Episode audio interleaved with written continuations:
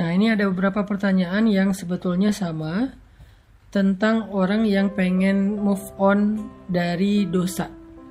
Dia kayak ngerasa hina banget karena melakukan dosa yang berulang kali, melakukan dosa yang sangat-sangat membuat dia malu. Terus gimana cara biar move on?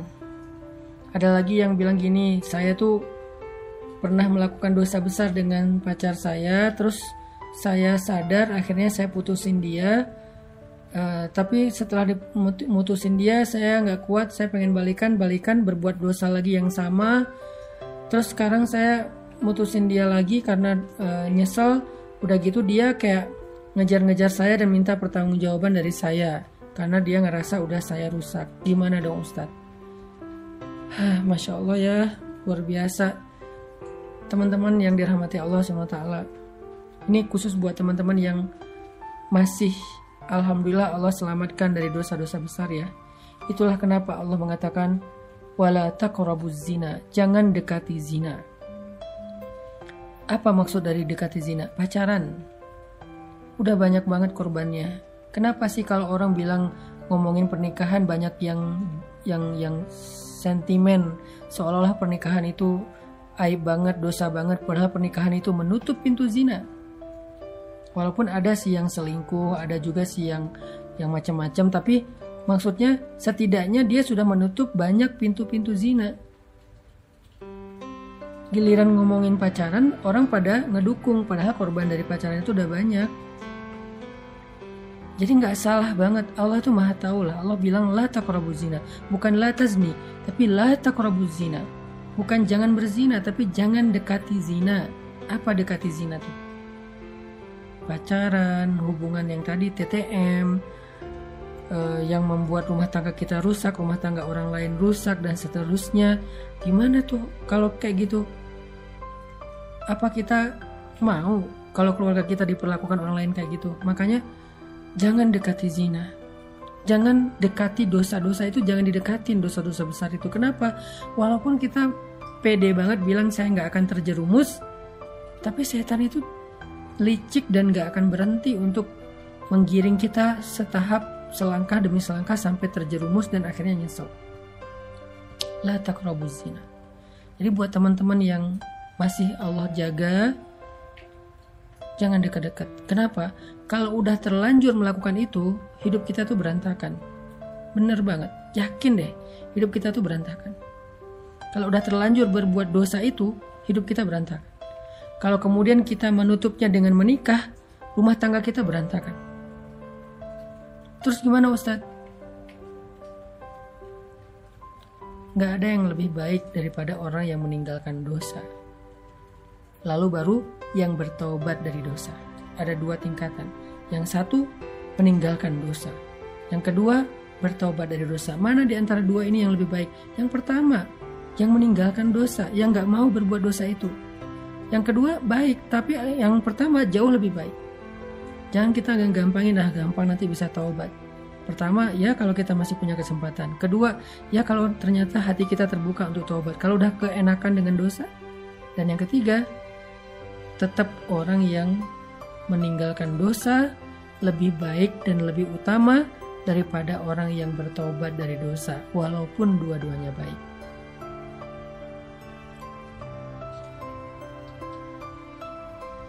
Walaupun dua-duanya baik.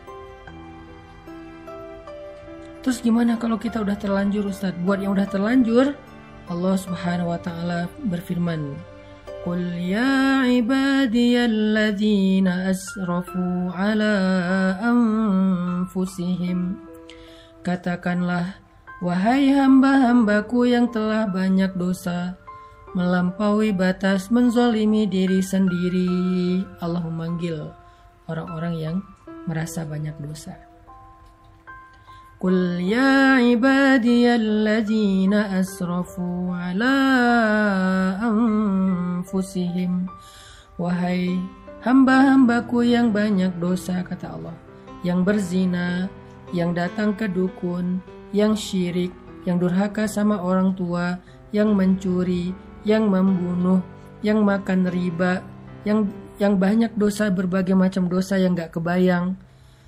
La taqnatu min rahmatillah. Jangan berputus asa dari rahmat Allah. Inna Allah yaghfiru jami'a. Sesungguhnya Allah mengampuni semua dosa. Gak ada dosa yang gak diampuni sama Allah. Tapi saya pernah syirik Ustadz. Allah mengampuni semua dosa. Termasuk syirik, termasuk syirik.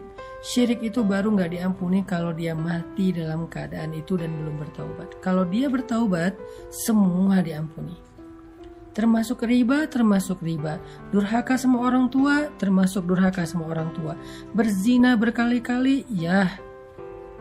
Kalau dia taubatnya sungguh-sungguh. Kalau dia mengulangi lagi, berarti belum diampuni dosanya.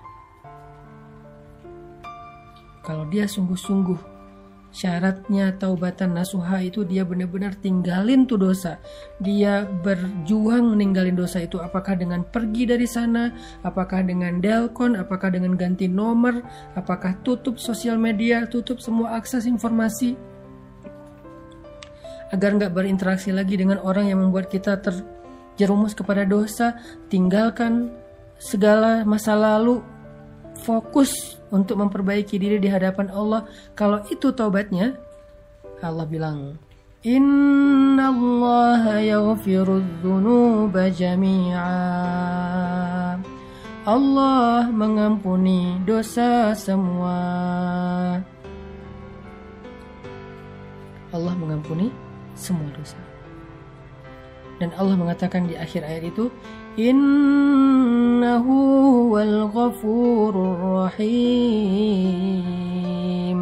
Sesungguhnya dia, dialah yang maha pengampun, lagi maha penyayang. Dia maha pengampun dan dia maha penyayang. Dia pasti mengampuni dan dia sayang banget sama kita. Jadi kalau ada niat pengen benar-benar bertaubat, jangan berkecil hati. Kalau benar-benar pengen bertobat, jangan berkecil hati. Allah itu sayang banget sama hambanya yang bertobat.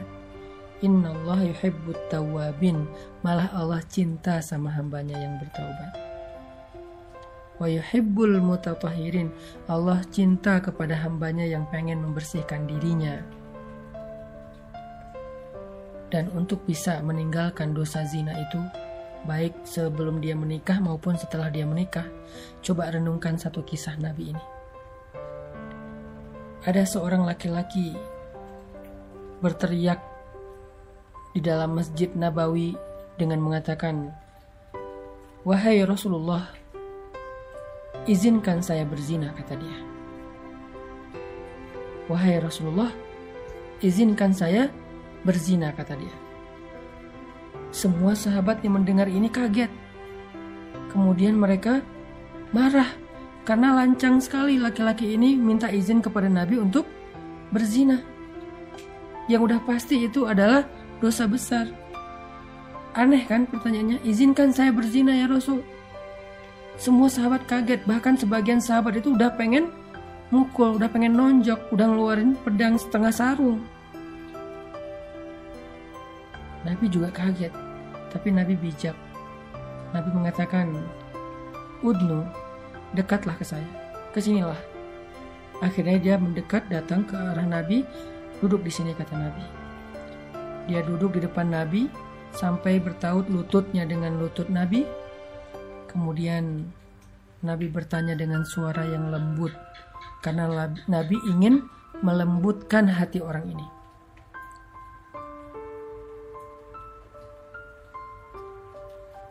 Nabi ingin melembutkan hati orang ini, maka Nabi pun bersuara lembut. Gak bisa kita melembutkan hati orang dengan teriak. Gak bisa kita melembutkan hati orang dengan membentak. Kalau ingin melembutkan hati dia, lembutkan suara kita. Itu rumus sederhana. Semua kita belajar itu insya Allah ya, termasuk saya. Kalau kita pengen melembutkan hati keluarga, hati pasangan, hati anak, maka lembutkan suara kita. Tapi kalau kita keraskan suara kita, maka kita akan mengeraskan hati. Nabi kemudian berbicara dengan suara lembut kepada laki-laki itu dengan pertanyaan. Kata Nabi, gimana kalau itu terjadi kepada istrimu? Gimana kalau ada orang yang berzina dengan istrimu? Atardo lizawjatik? Apakah kamu ridho jika orang berzina dengan istrimu? Laki-laki ini kemudian tiba-tiba marah, emosional, dia bilang, La, kata dia, enggak akan ridho. Saya akan bunuh dua-duanya. Atar li ummik, kata Nabi. Apakah kamu ridho kalau orang berzina dengan ibumu? Kata dia, enggak, saya akan kejar orang itu. Atar li ukhtik, apakah kamu ridho jika ada yang menzinahi saudarimu? Dia marah, enggak, Atardo li ibnatik, apakah kamu ridho jika ada yang menzinahi anak perempuanmu? Enggak, kata dia, saya enggak ridho sama sekali. Kemudian Nabi mengatakan, begitulah perasaan orang yang ibunya kamu zinahi. Begitulah perasaan orang yang istrinya kamu zinahi. Begitulah perasaan orang yang adik perempuannya kamu zinahi. Dan begitulah perasaan orang yang anak perempuannya kamu zinahi. Mereka juga nggak ridho, mereka juga sedih, mereka juga marah seperti apa yang akan yang yang seperti apa yang engkau rasakan. Kemudian Nabi mengusap dada orang itu. Setelah diusap dadanya, Nabi mendoakan, "Ya Allah, lapangkan dada orang ini, bersihkanlah kemaluannya." tiba-tiba dia meng, meng, apa, menghirup nafas panjang lalu menghela nafasnya dengan lega dia mengatakan ya Rasulullah dulu zina adalah perbuatan yang paling saya suka sekarang zina adalah perbuatan yang paling saya benci. Dia memeluk Nabi Wasallam. Renungkan kisah ini.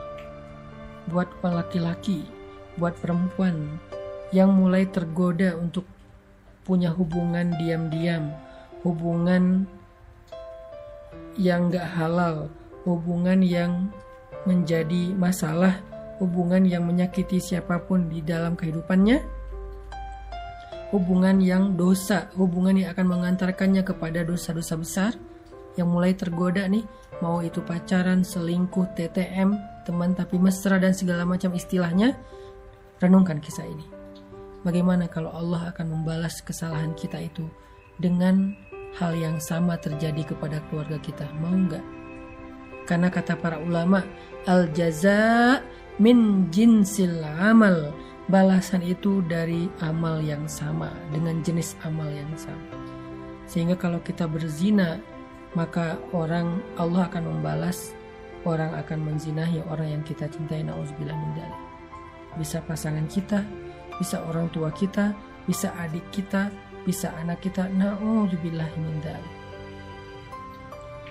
Kalau kita nggak bertobat, segera.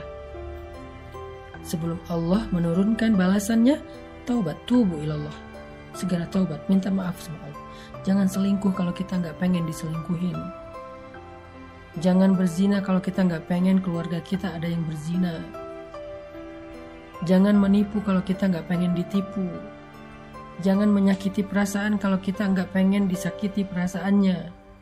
Tubuh ilallah. Ustaz kalau kita chat sama laki-laki, apakah itu termasuk disebut zina? Tergantung isi chat, jam berapa chat, gimana kita ngomong, apa yang kita bicarakan. Kalau yang kita bicarakan hal yang terlalu privasi, personal, apalagi vulgar, zina. Zina, zina teks, zina jari. Kalau yang kita bicarakan itu dengan suara yang dilembut-lembutkan, mesra, menggoda, mencari perhatian, itu termasuk bagian dari zina-zina kecil walaupun kecil juga disebut zina naudzubillah Jadi udahlah, gak usah pakai emotikon-emotikon yang berlebihan. Chat mah seperlunya aja. Yang dibicarakan juga hal yang penting. Jamnya juga jangan kemalaman, maksimal sampai jam 10 misalnya. Kecuali kita bersama dengan muhrim kita, nggak sendiri, apalagi sampai video call segala macam jangan lah karena itu dosa dan nanti balasannya juga sama kita juga nggak akan mau anak kita kayak gitu kan Kita nggak mau kan saudara kita kayak gitu. Kita nggak mau kan apalagi pasangan kita kayak gitu. Renungkan, renungkan nasihat Nabi tadi kepada laki-laki yang datang kepada beliau. Itu modal banget buat kita ninggalin dosa.